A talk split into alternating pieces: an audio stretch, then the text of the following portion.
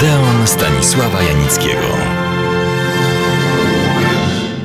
Kontynuuję dziś opowieść o Gelsomine i Zampano. Przypomnę, wędrowny cyrkowiec Zampano kupił od biednej wdowy jej córkę Gelsomina. Zrobił z niej swą partnerkę i kochankę. Razem wędrują po małych osiedlach. W osiedlu, dokąd przybywają gości, właśnie objazdowy cyrk z linoskoczkiem Matto. Występy Matty, mrożące krew w żyłach spacery na linie, są wielką konkurencją dla Zampany. W trakcie rozmowy z kierownikiem cyrku i linoskoczkiem następuje porozumienie i zapada decyzja, by połączyć obie trupy. Zampano i Gelsomina stają się kolegami linoskoczka Marta.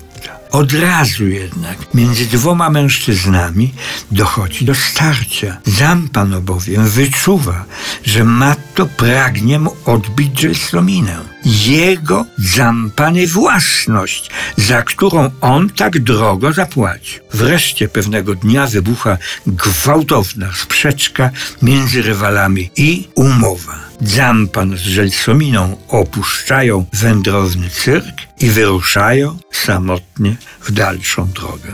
Po pewnym czasie obydwie trupy znów się spotykają w pewnym miasteczku i tym razem sprawa przybiera tragiczny obrót. W bójce, mimo interwencji Gelsominy, Zampano zabija swojego rywala. Od śmierci matki Gelsomina popadła w stan otępienia. Jest niezdolna do pracy, zupełnie nie rozumie, co się do niej mówi. Zampano, zdając sobie sprawę, że dziewczyna na nic mu się już nie przyda, odjeżdża sam.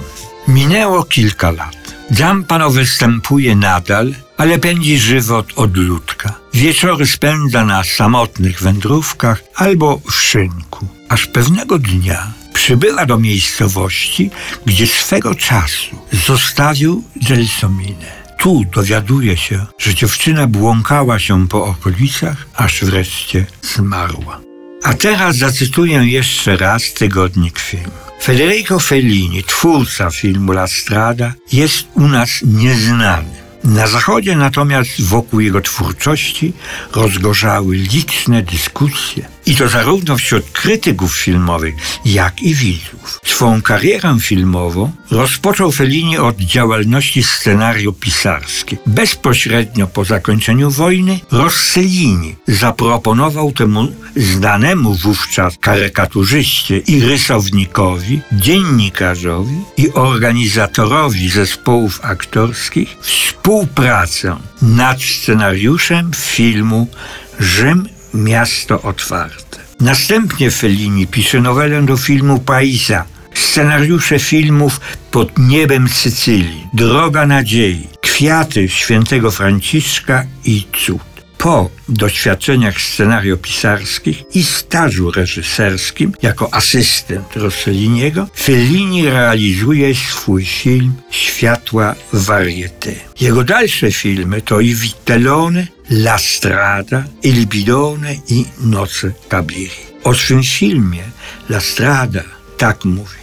Zasadniczą ideą, z której narodziła się La Strada, jest problem mężczyzny i kobiety, którzy żyją obok siebie, ale są jednak bardzo od siebie dalecy. Później, dla uzyskania nastroju, braku stabilizacji w życiu, postanowiłem ukarać tę parę w czasie długiej wędrówki. Postać Zampany jest odbiciem mych wspomnień o cyrkowcu, którego poznałem mając 15 lat. Był to człowiek małomówny, samotny, nie odzywał się do nikogo. Otoczenie zaś drwiło z niego za jego plecami, gdyż obawiało się jego porywczości. W czasie tworzenia filmu doszło wiele nowych elementów, ale pozostała przewodnia myśl o nieraz trudnych stosunkach między ludźmi. Umiejscowiłem ich w środowisku cyrkowców, ale to samo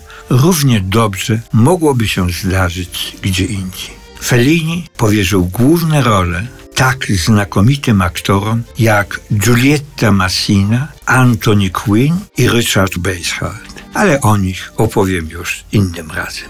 Tradycyjnie do Odeonu serdecznie zapraszam.